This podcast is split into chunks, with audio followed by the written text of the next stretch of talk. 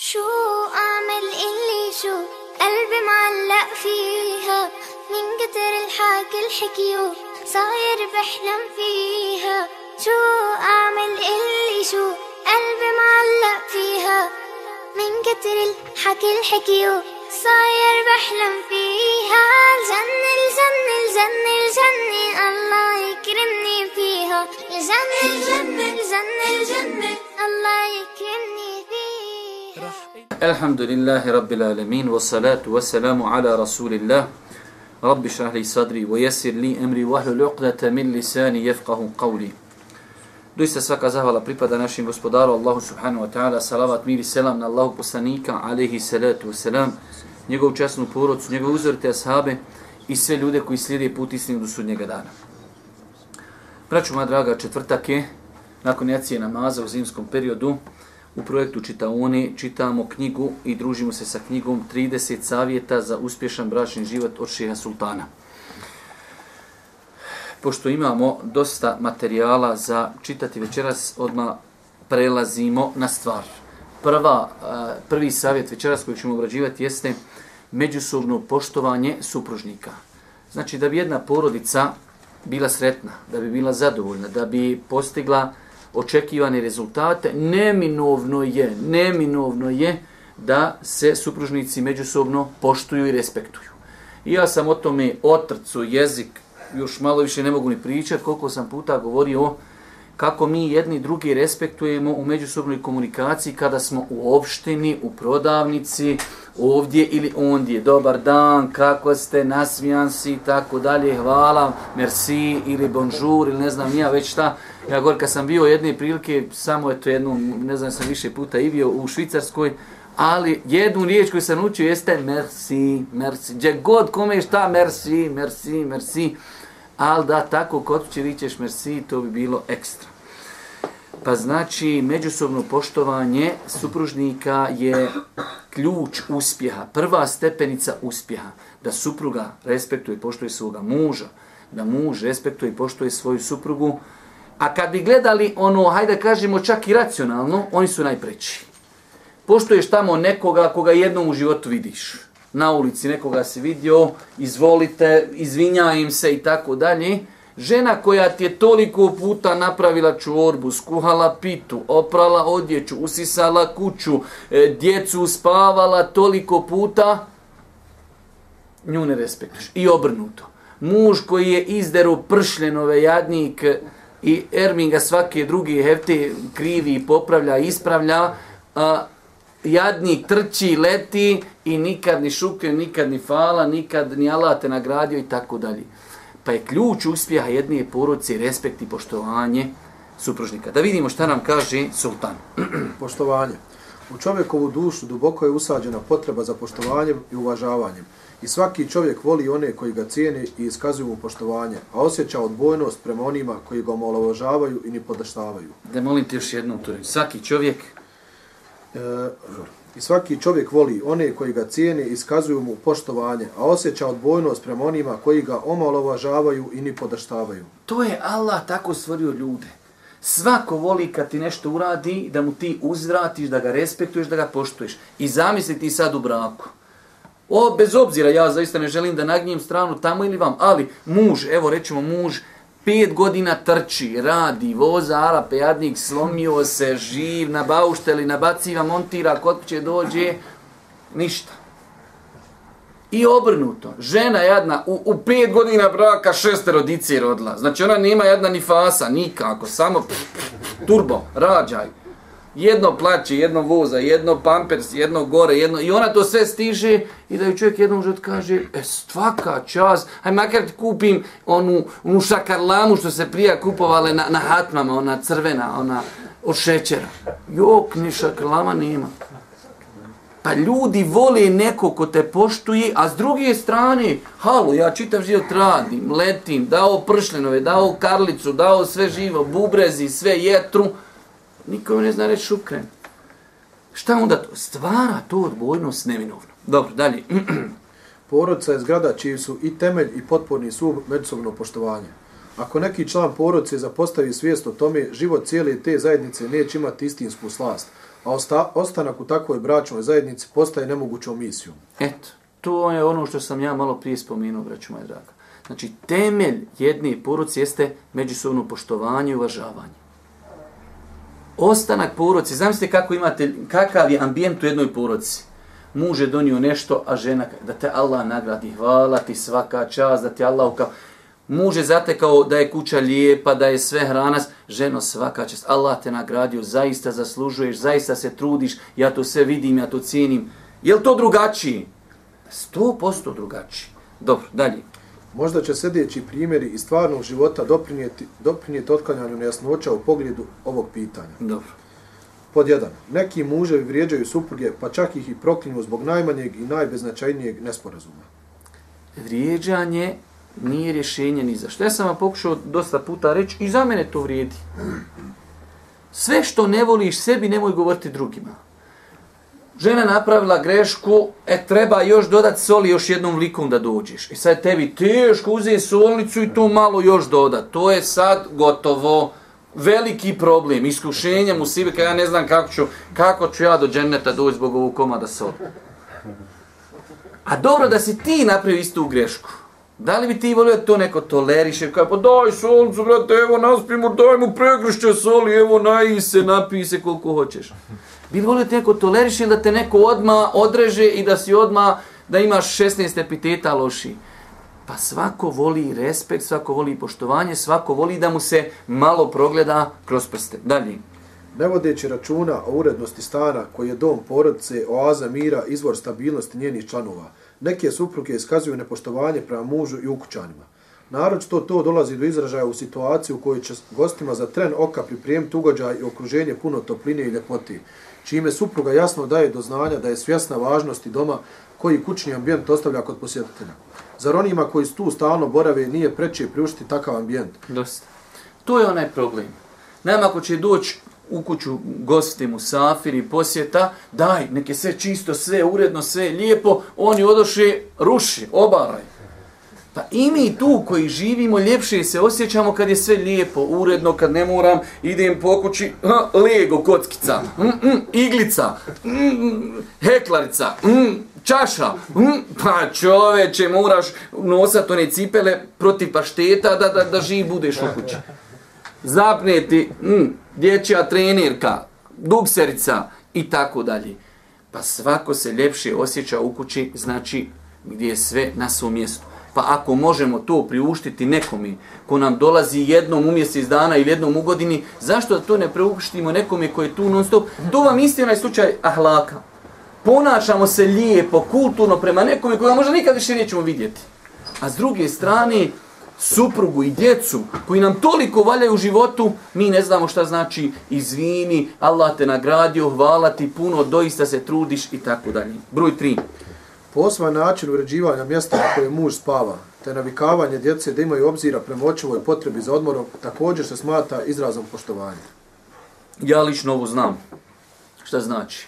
Kad muž dođe umoran, djeca polude, koliko mužu to znači da žena smiri djecu. Da li će ih da odu u park, da li će im staviti neki crtić, da li će ih zabaviti da nešto boje, da pišu. Ali mi muškarci smo takvi čovjek se umori, radi i kad dođeš, hoćeš da ideš spavat, djeca, jedno za uho, jedno za brkove, jedno za bradu, jedno bubnjeve svira, jedno skači. Pa to jedan dan trpiš, drugi dan trpiš, treći dan, već dobio si ili šećer ili pritisak, nešto to dvoje si dobio. E onda kad, to, kad vidiš da se žena trudi oko toga, vidiš djecu, hodaj na, u zraku, ne na prstima. E, onda babo vidi, a stvarno vas se žena trudi, da je Allah nagradi. Pa je to respekt i poštovanje. Dalje. Po četiri. Koliko se muž bezobzirno šali sa suprugom spominjući druge žene ili, na primjer, poligamni brak, što prije treba da shvati koliko je ovo otrovno za njenu osjećajnu prirodu, jer se ni pod kojim okolnostima to ne može smatrati prikladnim riječima upućenim ženi koja nastoji razvijati svoju ljubav prema mužu. Pazite, ovo lik piše za Arabiju. Ovo se odnosi na naše podneblje još 300 puta više. Kod njih dole poligamija je normalna stvar. Kod nas, Bosan, kad rekneš poligamija, da si rekao, e, promijeni vjeru, pa čekaj, hajmo razmislit nekako. Poligamija. Nema teorije, razumiješ? E, nije to stvar za šaljenje. Onaj ko ima mogućnost, onaj ko je ozbiljan, ko je ispunio svoje obaveze, neće se sa tim šaliti. Brak je mnogo ozbiljniji da se čovjek sa tim šali. Nije gotov ruča, ej, dovešću ja tebi drugu. E, stavit će ona te miše gotrova, paša usupu. Paš vidite što, što skačeš. Pa nije to metod za šalu. Dobro, se našališ jednom u šest mjeseci, ok. Ali da se našališ tri puta u po sata, paša, to je već, to već, ili će biti šećer, ili će biti visok pritisak, ili će biti anemija, neđe će nešto ispu, ispucat. Dalje. Pet. Svakoj supruze, kada je doterivanje i uljepšavanje u pitanju, definitivni prioritet njen muž. Zašto pojedine žene misle da nije vidljivo i shvatljivo? Kako njihovo opravdanje bolešću ili nedostatkom vremena odjednom isčezava kada ih prijateljice pozovu na svečanost ili im se najave u posjetu? Ista stvar. Žena treba da zna prvenstveno najbitnije o insan u njenom životu je njen muž. Samim tim njegova pažnja, njegova ljubav, kako ga pridobiti, treba da se trudi. Pa muž dolazi, njemu je najprioritetnije da bude počešljana, namirisana i tako dalje. Ako to možeš uraditi kolegicama koje dođu i sjede pola sata i odrše kući, pa onda je hiljadu puta prioritetnije da to žena uradi svome mužu zbog svih zasluga koje on ima. Dalje. Još neki primjeri i forme međusobnog poštovanja i uvažavanja. Pod jedan. Otac treba narediti djeci da majici pomognu u pospremanju i uređivanju stana. Vidite, ovo je veoma bitna stvar. E, da supružnici imaju zajedničku politiku u pogledu djeci. Ovo zapamte večeras veoma bitno. Oni koji su oženjeni da praktikuju, oni koji nisu da to zapamte. Veoma je bitno da strategija roditelja budu da svaki supružnik podstiče djecu na pažnju drugog. Pa otac će pozivati djecu da pazi na majku. Djet, majka napravila ručak, a vidite djecu, kako je danas majka napravila ručak. Svi da majci poljubite ruku, da dovite za mamu, da ju se zahvalite, da ju pomognete oprat suđe i rasklonite. Obrnuto, kada otac uradi nešto, donio je igračku ili kupio hranu ili je odveo negdje na ručak ili, ili, ili majka onda djeci kaže vidite kako nas babo pazi, morate biti, morate slušati babu, otiđite, zahvalite mu se, poljubite mu ruku, dovite za babu i tako dalje. Ne daj Bože obrnuto kad majka babo iziđe, e, najgori je vaš babo, nema gorijeg, nevelja, kamenjem udri babu i tako dalje. Nema, paša, šta tu mora niknuti osim čubra, nema tu ništa dobro. Ali kada djeca vidi međusobni respekt, pa vide svog babu kako on zahvaljuje mami. Ne pa, hajmo djeca za falce, mami. Dobro danas. Hajmo djeca za falce. Kako se ti babo zafalio? Nikad u životu. Hajmo djeco klanjati. Pa što je klanjao? Djeco, gasi, haram gleda filmove. Djeca odu, ženo, pali, ode. Ne mene paš. Pa budeš ti uzor. Majka bude uzor svome mužu. Da te Allah nagradi svaka, čak kako se nas lijepo odveo, kako se nam lijepo kupio. I obrnuto. Muž pred djecom, da čuju. Šta je problem, čak šta viši. Treba da sutra tu kad odrastu da kažu, ja se sjećam kako je naš babo našoj majici govorio. Ja se sjećam kako je naša majka pazila našeg babu. To će njima ostati urezano u, u, u, u njihovom pamćenju. I obrnuto će ostati ako bude ja znam kako je babu udaro mamu, ja znam kako je mama babu nakautirala jedne prilike pa završio u hitnoj i tako dalje. Pa su djeca ko spužva. Dalje. Majka treba podstati djecu da oca zagrli i poljube u ruku kad god se vrati kući. Okay posvijeti pažnju da se unutar poroce koriste najljepše riječi. Svakako. I posljednje, uvažavati poročne termine za goste i slično. Ova stvar je isto veoma bitna, ali opet mora početi od nas. Ja nisam stvarno nikakav uspješan čovjek, smatram da sam zaista zakazao sa svojom djecom, ali jedna od metoda, kad dijete pogriješi, jeste da ga vratiš, da li je to čuo i kad u kući. Dijete će otići, otići u školu, otići u park, tamo se druži sa razno raznim virusima gdje će on čut neminovno ružne stvari. Pa će on i jadnik, dok su djeca dobronamjerna, malehna, uh, oni ne znaju to sakt. Poslije kad postaju malo, kad munafičke onaj, pokupe osobine, već znaju oni sakriti neke stvari. Ali u mal, dok su maleni, on čuje tamo vulgarnu riječ i on hop u kući, gru. Najbolji metod da tu izlječiš je šta? Da mu kažeš, sine, a jesi čuo da ikad mi tu riječ koristimo? Nisam. E, sine, ta riječ ne veli. Pa je veoma bitno da, da, da roditelji na vrijeme prate vokabular svoje djeci. On će to čuti, to je neminovno. Da li na filmu, da li na seriji, da li od svojih rana, da li u školi, da li, da li mora čuti. Ne živi, ne živi na Marsu. Ima prijatelje koji nisu, e, ne razmišljaju kao on. Ali ko što i mi znamo mnoge loše riječi, ali ne koristimo. Pa treba djecu, znači, na početku sputavati. I u, u lošem e, opođenju, da dijete podigne ton prema majci. Otac mora reagirati. Ili podiglo dijete ton prema ocu, majka mora reagirati. Pa je veoma bitno da roditelji na vrijeme djecu usmjeravaju šta je dobro, šta nije dobro kada je u pitanju govor. Dalje. Konstruktivan način vođenja poročnog dijaloga. Ok. Tokom poročnih sjela i druženja neizbježno je da se iznosi mišljenja i iskazuju stavovi. Ovo se dnevno dešava i po nekoliko puta. Nažalost, pojedinci ne poznaju osnovne principe vođenja poročnog dijaloga, pri čemu zaboravljaju važne temelje učtivosti, pa se tako razgovor i obraćanje pretvaraju u vođenje verbalnog rata, putem kojeg se učesnici obrušavaju na mišljenja, ideje i ambicije ostalih učesnika u razgovoru. Navešćemo nekoliko takvih primjera. Dobro. Pod jedan. Kada supružnici vode dijalog oko financija, svako od njih dvoje osjeća da je optužen za neracionalno trošenje novca i da je upravo on taj koji je odgovoran za nepoželjno stanje. To se dešava zbog pogrešnog pristupa i načina vođenja dijaloga. Dalje, broj dva. Broj 2.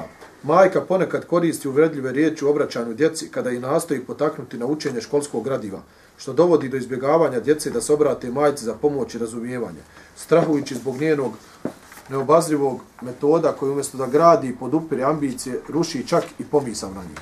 Znači, jednostavno, ako majka hoće da djecu postakne da uči, ako će ona se na njih izgalamiti, tako i udari, ako ovo, ako ono, svakako da ona na taj način kod njih ruši, e, ruši komunikaciju sa djecom. Jednostavno zatvorila je ta vrata, dijete više nema ambicije, nema slobodu, nema hrabrost da nešto što mu je nejasno, da dođe, da pita i tako dalje. Dalje, broj 3. Kada supruga razgovara sa mužem o razlogu njegovog kašnjenja, ponekad požuri da ga optuži koristeći grube riječi, a njegova reakcija na to bude još žešći odgovor uz upotrebu još težih i grubljih riječi od njenih. Generalno je pravilo, sad će še napred do nekoliko lijepih tačaka, odnosno savjeta za dijalog, e, dosta puta e, problem su predrasude u braku. Ja sam o tome dosta puta govorio kroz predavanja. E, najbolje šta bi bilo, najbolje šta bi bilo, jeste kad supružnici stupe u brak, odmah u startu, da jedno drugom otvoreno kažu. Evo sad imaš, zamislimo, kod da smo u nekoj igrici, imaš neki sto životnih pojena povjerenja. I jedno i drugo. To povjerenje maksimalno treba čuvati. Ne treba dozvoliti ništa što će to povjerenje poljuljati. Vjerujte, kada, kada uđi u porodicu nepovjerenje, to je više, to be ja rabi, azab i džehennem na dunjaluku. Imaš mobitel, primjer radi u današnje vrijeme. Nije spuno čovjek, taj mobitel ima na njemu i šifru. Ali dok ima na njemu šifra, to ti je odmah već počeli kapat oni pojeni. Što će ti šifra? Dok kad imaš mobitel koji žena smije uzeti tu po noći upodana, ne da te provjeri, čisto onako uzmi, ti smiješ uzeti ženin im. Ili laptop, trebaš dovesti hakera, ne mreš ga ubosti naći. Moraš nekog preko okeana dovesti da ti on dešifruje muživ laptop. Što će i paša to? Šifra pa iza šifre, šifra pa šifra opet ima svoju šifru. To halo, to ne mere najveći haker prohakova duž do njega. Zato što nešto tamo ima skakljivo i sumljivo. Ako je otvoren, upaljen, kom uđeš kad hoćeš, pogledaš šta hoćeš, zatvoriš šta hoćeš, znači to ukazuje da je sve čisto. Pa je povjerenje veoma bitna stvar. Pa tako i ako se desi, evo u ovom slučaju, muž je okasnio. Osnova je povjerenje. Osnova je da muž se trudi maksimalno da dođe na vrijeme kući. Osnova je da muž voli porodcu. Osnova je da ne kasni osim ako ima za to ra validan razlog. Pa startamo sa tom osnovom. Prva stvar, trebao je čovjek doći u četiri. Došao je u pet. Halo, Jesse, kasniš? Ne, to, to nije meto. I obrnuto i za ženu. Šta je se desilo? Vjerovatno se nešto gdje... Znači da pristupamo s povjerenjem, a ne sa lošim mišljenjem o supružnicima. Ali pazite, okasniš jednom, pa dva put, pa tri put, pa se jednom zacrveniš, pa tamo u mobitelu propušteni poziva, pa vako, pa nako, pa nađe se nekad poruka s svjetićima, sa srcadima, iskaču puževi, muževi, nema šta nema u mobitelu, I okasnju. Ej, paša, pa normalno da će sumnjati, ja sam bi u sebe sumlju. kamol da žena u tebe sumnja? Znači, zatvori Savra, nema cvjetiće na vrijeme, briši cvjet, poruke na vrijeme, briši, radi šta hoćeš, ali daj mobitel, paša, čist, formatira ga svaki dan. Ali nemoj ostavljati prostora šetan. Dobro, broj četiri. Kada muž ima potrebu da razgovara sa svojom suprugom o nekom njenom propustu koji je primijetio u kući, treba bi da nastupi mudro, oštovno iznoseći svoj stav i birajući prikladne riječi. I to tek nakon što sazna sve okolnosti koje se odnese na to pitanje. Kako se rasprava ne bi pretvorila u borbu, a dom u ring. Dobro, pravilo. Pravilo. Pravila poročnog dijaloga. Pod jedan. Odabir odgovarajućeg vremena nije mudro ni efektivno da supruga raspravlja sa svojim mužem neposredno nakon njegovog dolaska s posla ili u vrijeme dok je on uzbrojan zbog nekog događaja. Također, muž ne bi trebao da se suprugom raspravlja u periodu osjetljivog psihičkog stanja, na primjer mjesečnica, trudnoća, postporođajni period i sl. To je, vjerujte, vraću moja draga, toliko jednostavna stvar. Vidjeli ste, mi to svugdje znamo osim u kući. Dođeš u opštinu i tri tamo šaltera i vidiš, jedan se tam na šalter nakostrušio, on paša sam kad te pogleda, ako nisi pručio zikr, upadniš odmah. Už kod njega ćeš oti tamo, ima jedan ve, dobar dan, kako ste, zdravo, fino. Ideš kod ovog vamo, zato što će to ovaj lakše će prući.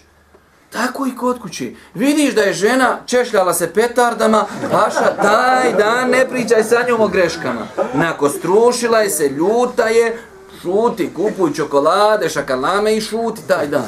Sutra kad vidiš da se počešljala, e, ženo, jučer pita nije bila slana. Pojeli su i neslanu, ali molim te, nemoj više da je pojemo neslanu.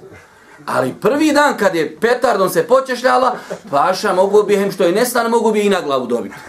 Znači, i nisi napravio problem, ako dobiješ je na glavu, onda će dobiti žena na glavu i bit će tu onda ringa.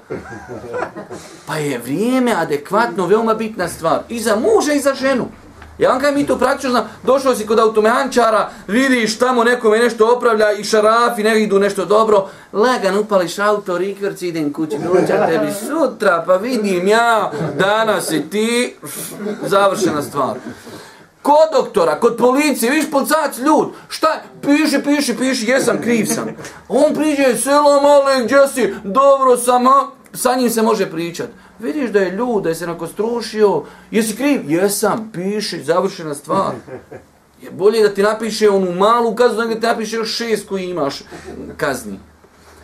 E tako treba i u kući. Ako vidiš da vrijeme nije, pa jes, šetan guli, a, daj sad, samo sad da riješimo. Ručna paša, okreni se i u rikverc. Dalje. Koncentrirati se na najvažnije teme i krupna pitanja tokom dijaloga. To podrazumijeva ostavljanje priče o nekim banalnim i marginalnim pitanjima. Veoma bitno. Nerijetko se dešava, vjerujte da ljudi napravi od muhe medvida. Od sitnice, od sitnice se ljudi napravi. Znači, krupne stvari, hajde da rješavamo sitni stvari, uvijek mora biti problema. Dalje. Davanje prilike drugima da iznesu svoje mišljenje i viđenje, jer razgovor podrazumijeva dijalog, a ne monolog. I sljedeći? Naučiti slušati. E, to je to. Bez obzira, ja znam, to je nama, muškarcima, najteži. Mi bi, znašte kako mi razvodili dijalog. Ženo, hodi vamo, ispričamo, voz skloni se s očiju. Nauči šta sam ti rekao i završena, amin. Sam viće amin. Ne, onda to nije dijalog, onda si vodio monolog i to je to. Ženo, hodi vamo, sašaj monolog, idi kući i to je to. Ne, dijalog je ok, pa da poslušam, da vidimo šta je. Možda ćeš poslije kad čuješ zaista koliko se puta desi čovjek napravi problem u kući, kad saslušaš suprugu i djecu, ti vidiš da si ti malo prošrajdro, da si malo brzo reagirao, da si znao što o čemu se radilo, ne bi tako reagirao. Pa je veoma bitno da čovjek dopusti svoji, svoju djeci i supružnicima da kažu svoje mišljenje, da se nauči slušati. Dalje. Supružnici ne treba da o svojim nesuglasicama razgovaraju u prisustvu djece. To ako mogu. Ne obavljati bitne razgovore usput, na primjer u automobilu, jer može doći do povišenja tona usred srđbe, tog negativnog psihičkog stanja što može dovesti do nesmotrenosti u vožnju. Definitivno. Pa ovdje je to stavljeno usput. Znači, e, krupne stvari ne ide, sjeli smo u auto, krenuli smo da ovjerimo knjižicu, e če, aj sad da iskoristimo vrijeme, još imamo gore do, do, do doma zdravlja dvije minute, e da se sad posvađamo, da da sad nešto riješimo. Halo, to je bolan čovjek, vozi crveno, ovaj mu svira, onaj, ga, onaj ide kroz zeleno, onaj kroz crveno i ti sad sa njim pričaš o problemima. Njemu se tam pali lampica, bite, tanke, napuni, nema goriva, pali se lampica za ulje, djeca skaču, retrovizor i ti ga, hajmo sad mi, mi probleme rješavati. Pa ja, rab, kakvi sad problemi? Kod kuće, kafa, čaj, sjedi, fino, hajde rješajmo probleme. Ovo se vraća na onu prvu tačku, treba paziti kada se dijalog vodi. Posljednje, nikada ne treba kritizirati osobu, nego se kritika treba odnositi na dijelo koje je učinila. Ispravno je supruzi kazati, zašto nisi tako i tako uradila, ili ovaj tvoj postupak nije primjeren. Nedopustivo je ponižavanje riječima, glupačo i tome je slično, čime se vrijeđa sama ličnost umjesto ukazivanja na greške u djelu. Ovo, ovo, ovo je srž problema. Što mi dosta puta ne možemo odvojiti grešku od ličnosti. Ok, pogriješila je osoba, muž ili žena. To ne znači da je sva ličnost neispravna. Pogrešan je postupak. Ali ako rekneš, ne daj Bože, ženi glupaču, šta to znači? Kompletno si ti glupa. Dok ako kažeš, slušaj, to si pogriješila, nemoj više to učiniti. Znači, ok, sve ostalo je u redu, ali nemoj samo ovu. Pa je to, vjerujte, veoma bitna stvar i ovo treba dobro zapamtiti. Daj nam ovo je dole, ovo je veoma bitno. Zlatno pravilo. ja. Zlatno pravilo. Tvoje riječi mogu dovesti do ljubavi ili do rata. Vi znate da riječ uzrokuje e, rat između država. Znači, riječ čovjek treba da kontroliši. Dalje. Umijeće učenja iz porodičnih problema. E, šta ja znam, ja bi ovo, ajde preskočimo, nije ovo nešto onaj, možete ko će to pročitati, danas sam ja to čitao, nije nešto plaho, plaho bitno. Dalje, fizičku, Fizička razdvojenost. dobro. Uvijek ukazujemo na nužnost prisustva muža u porodičnom domu radi brige o porodici, te radi ispravnog odgoja i prisnosti sa članovima porodici. No, s druge strane, pozivamo da se članovi porodice ponekad privremeno fizički razdvoje jedni od drugih. Da bi nam ovaj prijedlog bio jasniji, razmislimo o sljedećim stvarima. Znači, osnove, braćo moja draga, i ovo moramo svi mi naučiti, o tome smo dosta puta govorili. Osnova je da čovjek i žena se trude da što više vremena provode kod kući. U granicama mogućnosti. Ok, ima čovjek od 8 do 4 radno vrijeme, nakon toga njegov najveći prioritet je porodica. Završili smo potrebu egzistencije, porodica. Ali ne da bude završio radno vrijeme, pa ošao se ranima na kafu, pa ošao u bioskop, pa ošao ovdje, pa na predavanje, pa na kiku i došao kuću u 11. E, to je već problem. To je osnova. Ali isto tako može doći do prezasićenja. Pa je lijepo nekad da malo neko bude djelimično, ajde da kažemo, odsutan. Da insan svati kako, znači koliko taj, ta osoba, ja sam to dosta puta navodio, primjer radi, čovjek ne zna cijeniti svoju žen dok ne ode u bolnicu nekad. Ode žena u bolnicu, ti tek tada viš koliko tanjira u kući ima. Prijatelj, nikad ne vidiš tanjire, ne znaš kašika.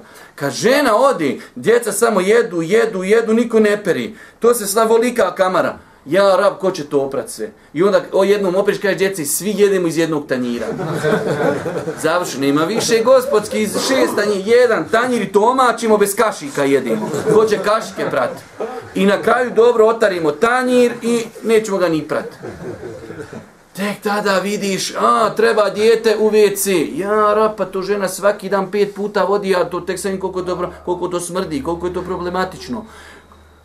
Pa kuća, pa higijena, pa hrana, pa ovo, pa ono. E, pa nekad je lijepo da neko malo bude odsutan, da bi neko drugi naučio neku lekciju, a isto tako, primjer radi, lijepo je da insan jednostavno e, i drugi u poroci malo pod navizacima odmori djeca da imaju neke treninge, da odu na neki kurs, da odu, e, bavi se nekim sportom, u tom periodu sat, dva, tri sata, to će olakšati majici. Da se posveti i badetu, da se posveti ličnoj higijeni, da se posveti kući, da se posveti mužu. Pa da malo bu, muž bude odsutan, a malo da bude i žena odsutna. Pa svi, alaikum selam, svi u svemu tome mogu naći korist. Da vidimo. Pod jedan. Fizička odvojenost na koju mislimo odnosi se na kraće vremenske intervale. Na primjer, da supruga sudjeluje u školu Kur'ana u vremenu poslije kindije pa do akšama, ili da djeca imaju kurseve, treninge, seminare i slične aktivnosti u poslijepodnevnim terminima, ili recimo da muž ima neki posao u uredu, na primjer odvojenom prostoru, termin za sport, humanitarne aktivnosti ili dodatni angažman koji ne traje dugo određenim danima u sedmici. To je sve ovo što smo rekli. Dobro da vidimo šta, kakve koristi. Koristi i prednosti fizičke razdvojenosti. Pod jedan. Zaboravljanje na nedostatke bračnog druga. Ukoliko muž svoje vre, sve svoje vrijeme slobodno provodi u kući, u društvu supruge, normalno je da će primijetiti neke propuste i greške. Također i supruga koja insistira na tome da muž ostaje kod kuće i da ne izlazi, dovodi sebe u poziciju s kojoj nijedan propust ili mahana neće promaknuti. Ovo je logično. Što više supružnici žive ono baš non stop zajedno, normalno samo sjediš i brojiš. Ženo, što si? Ženo, što si? Dok kad si otišao malo pa doj, ne imaš ti vremena za uzeci, pa manje imaš vremena da primjećuješ sve te sitnice. Dok cijeli dan kad sjediš, sve ti je dosadno. Ženo počelo je žutit, krećit. To će ona rada gore. To će gore ono, eno, gore muha, ganjaj muhu. Dosadno ti ne znaš šta izmišljaš sam, ne znaš šta ćeš. Primjesti, on, odnesi, donesi, što dijete. Dok kad si malo u kući, malo radiš, e, znači jednostavno e, tu ostavlja pozitivnosti. Broj dva. Fizička odvojenost oca od djece ne smije potrajati tuži vremenski period kako se to ne bi odrazilo na njihov odgoj. Znači ovdje govorimo o toj nekoj odvojenosti koja je periodična. Da čovjek ode na neko putovanje dva, tri dana, poslovno putovanje ili u toku dana da ode na neki termin, jednostavno da, hajde da kažemo, postigne spomenute rezultate. Broj 4. Fizička odsutnost djece mora biti ograničena na vremenski period koji neće značajno utjecati na njihovo školovanje, učenje ili dovesti do neželjenih promjena u ponašanju zbog manjka nadzora nad njihovim aktivnostima. To je, znači, rekli smo, ok, sve ima granice. Imamo osoba koji uvijek odu u jednu dvije krajnosti. Pa onda djeca došla iz škole, odmah idi napolje i nema ga do navići. Noćio, sutra doručku vode u školu, iz škole, u park i tako dalje. To je već previše gubimo kontrolu nad djetetom, koga odgaja, čemu ga uči i tako dalje. Ali da dijete ima svoj period kada će malo biti odsutno, to je svakako potrebna stvar. E, broj pet. Lijepo bilo članovi porodice među sobom podijeli vrijeme za zajedničke obaveze i da u tome uspostave određeni red, što će im pomoći da svako pojedinačno realizira svoje ciljeve i doprinijeti učušćivanju ljubavi i poštovanja. Broj šest. Iako je fizička radvojenost bitna, pretjerivanje u tome zasigurno će se negativno odrasti na brigu u porodci. Ravnoteža i ovom pitanju jeste ono što je krajnji cilj i namjera. Znači ravnoteža. E, ne velja prekomjerno da je porodca ra, razdvojena, ne velja da je prekomjerno spojena. Već znači u svemu tome treba da čovjek pokuša da pokuša da traži neku sredinu. Dalje. Razumijevanje mentaliteta i psiholoških profila. Dobro. Jedna od bitnih tehnika u liderstvu i vođenju međuljudskih odnosa općento je razumijevanje psiholoških profila i mentaliteta. U poročnom sistemu postoji različiti psihološki profili članova zajednice. I svaka od navedenih jedinki ima specifičan i zaseban psihološki profil na osnovu kojeg se ponaša. Zato je bitno da spoznamo kako se postaviti prema takvim različitostima. Da bismo to postigli, moramo se upoznati sa vrstama i prirodama svake od navedenih kategorija oni koji su oženjeni znaju šta ovo znači. Iako ju neoženjeni mogu lako shvatiti. Čovjek ima petero djeci, troje, jedno ili manje ili više. Imaš dvoje djece koji rodila ista majka, isti otac. Ali koda nisu ništa jedno drugom kada je u pitanju ličnost i mentalitet. Pa ženska djeca, opet to je jedna stvar. Hajde da je nazovemo genetika. Neko je možda genetski na oca, neko na majku, kad je u pitanju e, temperament ili nešto drugo, inteligencija. To je jedna stvar, jedna podjela. Imamo drugu podjelu, generalno nisu muška djeca kao ženska djeca. Ženska djeca ima vrsta obhođenja prema njima, muška djeca. Ok, nije dijete od 1 do 3 godina isto od 3 do 10, niti isto od 10 do 15, niti isto od 15 do 20. Pa ti paša u, u svojoj kući, ako imaš djeci šestero, petero i tri, pet, devet godina, ti si u tebe mozak fercera ko, ko, ko najbolji mobitel. Sad s jednom smir, ble, sad s jednim čupate zakosu, jedno viće, babo, daj Marku, jedno viće, ja bi išao na skijanje, da poludiš.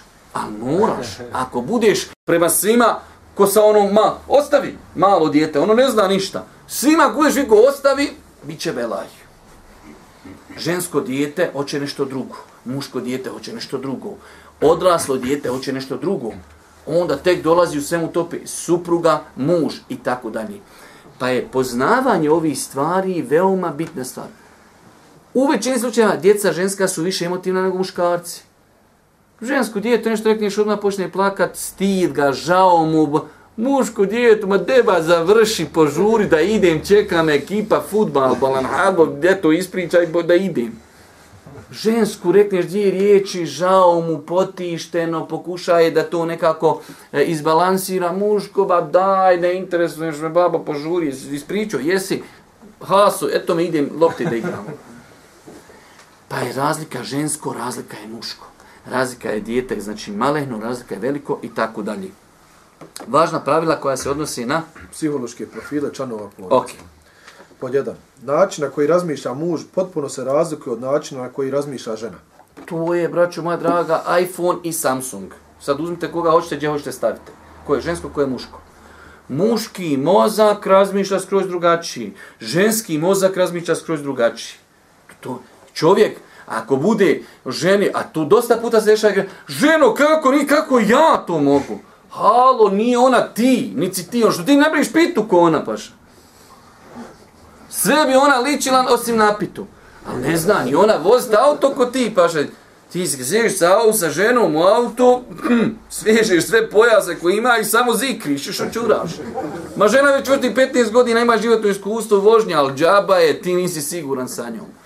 Ali isto tako, što misliš ti da ti, da ti operiš suđe dva puta? Bilo bi ono prljavije posle pranja nego prije pranja.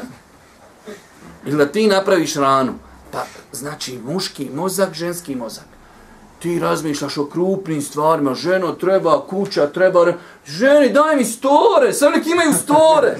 Ma nakon stora, hoćemo ih staviti na drvo, sam nek su store tu, baša. Imaju li vrata, ima li WC, imaju li pločice? Samo daj store, daj čilim, daj, nek su tapete fine stalo, halo.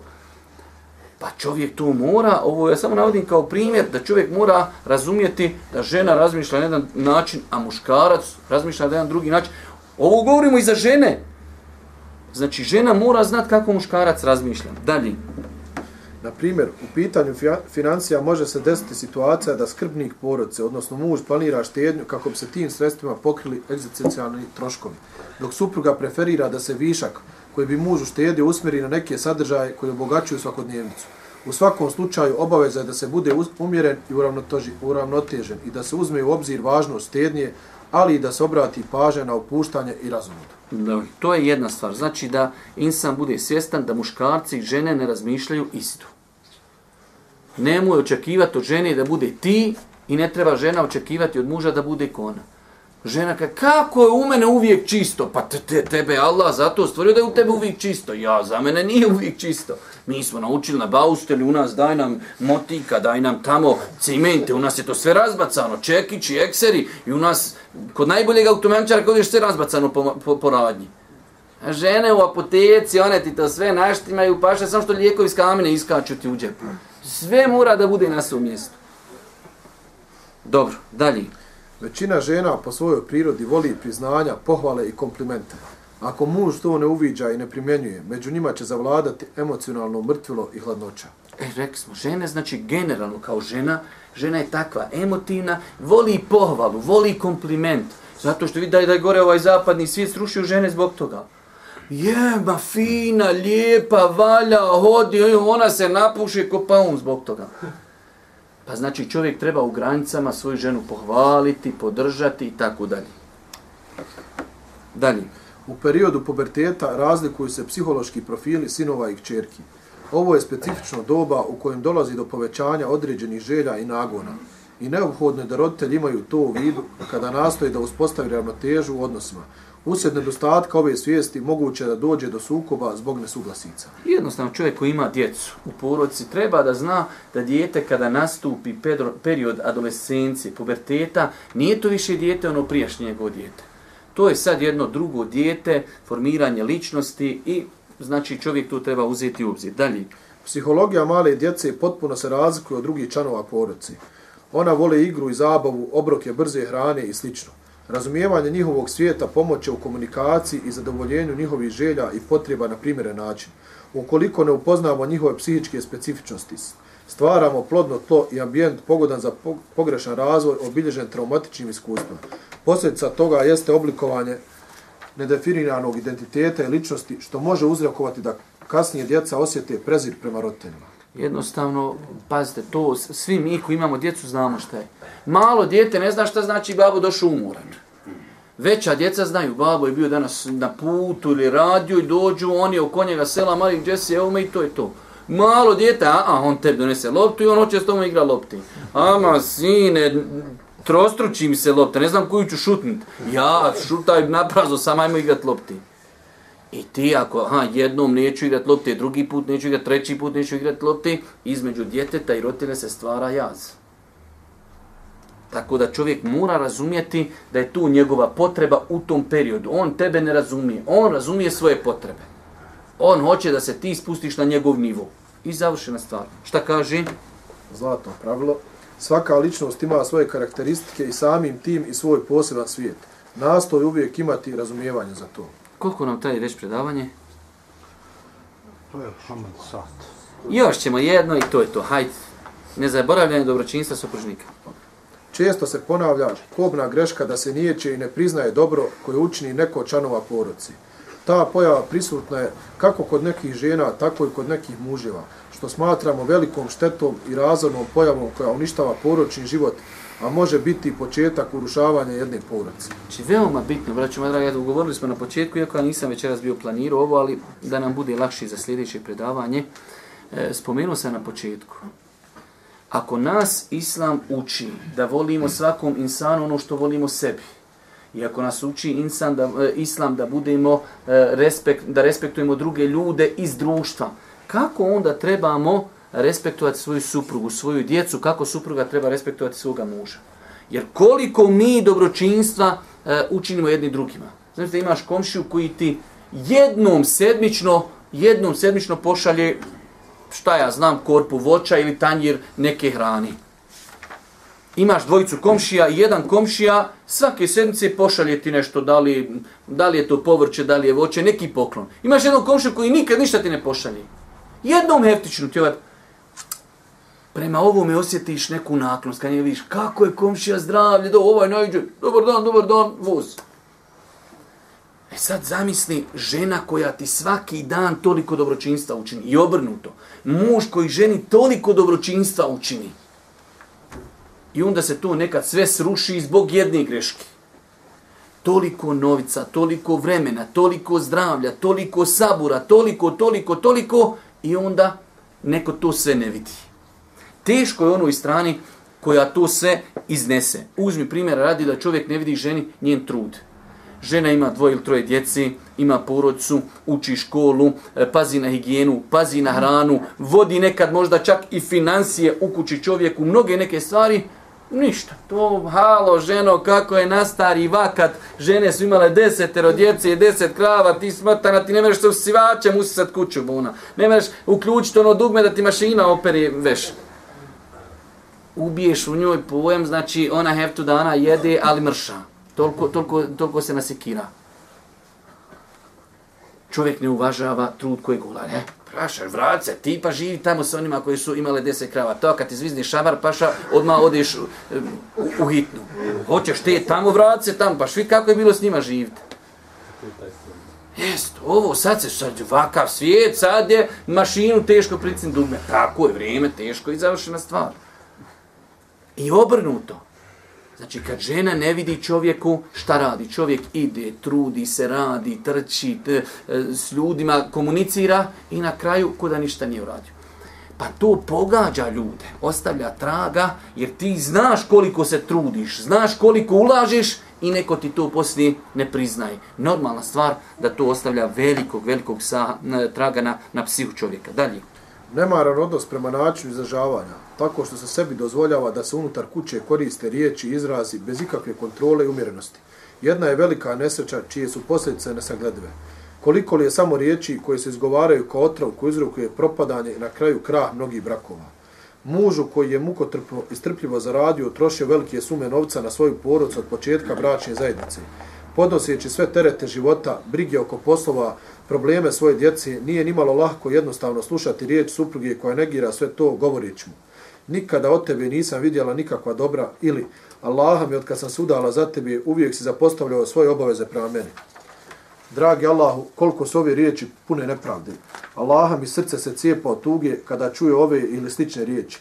Da li smo svjesni koliko je brakova propalo zbog ovakvih riječi koje negiraju učinjeno dobročinstvo? S druge strane, S druge strane, veoma je bolno za suprugu kada muž negira dobročinstvo koje ona čini njemu i koje konstantno optužuje za nemarnost i nedosljednost u izvršavanju obaveza, iako je bračni život koji je provela s njim ispunjen brojnim primjerima njenog žrtvovanja i uspjeha. Kako da jedno žensko nježno srce prihvati da nastavi dalje živjeti sa takvim čovjekom koji je izgovorio riječi od kojih bi se i brda zatresla? Obaveza oba supružnika jeste da se suzdrže od korištenja teških riječi, da ojačaju samo kontrolu, a posebno u periodu zategnutih odnosa, kako ne bi izustili riječi koje mogu negativno utjecati na nastavak bračne veze i zajedničkog života. Čovjek ponekad može prihvatiti mnogi uvredljive riječi, ali sve do granice ni podaštavanja učinjenog dobra. ko vjeruje, Zlatno pravilo, ko vjeruje Allaha i sudnji dan, neka govori ono što je dobro ili neka šuti. Znači čovjek bi trebao, braćo moja draga, dvije stvari. Da uvažava, da respektuje i uvijek da to pokuša vagati vagom da mi je to neko drugi uradio. Zamisli da se razbolio i tvoja, da, da se tvoja supruga razbolila i otišla je u bolnicu. I dolazi sad tvoja sestra ili komšinica neka koja preuzima sav posao kojeg je radila tvoja supruga. Koliko bi ti bio zahvalan toj ženi? ti gledaš ona, ti tek tada počinješ primjećivati, ona sad kuha, pa čisti, pa radi. I opet to nikad neće biti kako bi to radila tvoja žena. Ti kako bi se osjećao prema toj ženi? Ili bi joj platio, ili bi joj zahvalio, ili bi uvijek osjećao e, neku dozu poštovanja prema njoj. Ona je meni nekad valjala 5 dana dok, su mi, dok mi je supruga bila u, u bolnici. A zamisli ako ta supruga tvoja 15 godina s tobom živi i sve te poslove obavlja. I obrnuto. Jer ovo je zaista stvar obostrana. Da čovjek godinama trči, ide za egzistencijom, brine o, o stanu, brine o djeci, problemi, ovo, ono, i onda dođe kod kući, znači naiđe na grube riječi, teške riječi, povrede i tako dalje. Pa je veoma bitno da budemo zahvalni, da to respektujemo, da vidimo i da se čuvamo. Pazite, ovo je problem. Kada dođe do, zategnute, zategnute situacije, da se čovjek e, pokuša obuzdati. Jer pazite, riječ kad iziđe, kad čovjek e, ženu uvrijedi, žena kad muža uvrijedi. Ok, postoje halalim ti, halalim ti, ali ostaje recka na srcu koja možda neće nikada otići. Nakon 10 godina će ti reći mu ženi, sjećam se ono kad si mi rekla, ne mogu to progutati još dan danas. I obrnuto. Pa insan treba da pazi, bez obzira ljutnja, sve, ali ono dobročinstvo, onaj trud koji se uradi, e, sigurno ne smije zaboraviti. Ako se desi da zaboravi, vjerujte da je to, ko što navodi še više puta, da je to jedna od prvih stepenica propadanja porodice. Molim Allah Đeršan da nas učiti na putu istini, molim Subhanu wa ta'ala da nam bude milosti na sudnjem danu, na kraju Subhanu Allahumma da bihamdike, ešhedu en la ilaha ilan stafirke, tubu ilik,